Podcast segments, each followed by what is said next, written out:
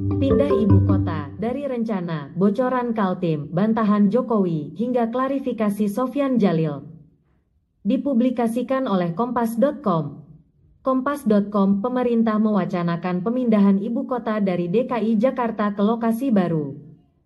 Berbagai alasan pun dikemukakan mengapa ibu kota negara perlu dipindah dari Jakarta ke tempat lainnya. Salah satunya karena Jakarta yang dianggap sudah terlalu padat.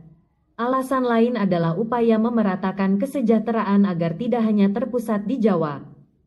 Wacana ini kembali mencuat pada masa kepemimpinan Presiden Joko Widodo. Pada 2015, Kepala Bapenas Andrinov Caniago menyebutkan hasil kajian menunjukkan Pulau Kalimantan lebih potensial untuk dijadikan sebagai ibu kota daripada kota-kota di Jawa. Pada Kamis, tanggal 22 Agustus tahun 2019, Menteri Agraria dan Tata Ruang Sofyan Jalil menyebutkan ibu kota baru akan berlokasi di Kalimantan Timur. Pernyataan Sofyan ini dibantah Presiden Jokowi, hingga akhirnya Sofyan memberikan klarifikasi. Rapat Presiden pada medio akhir April tahun 2019, Presiden Jokowi mengadakan rapat khusus membahas pemindahan ibu kota di kantor kepresidenan Jakarta.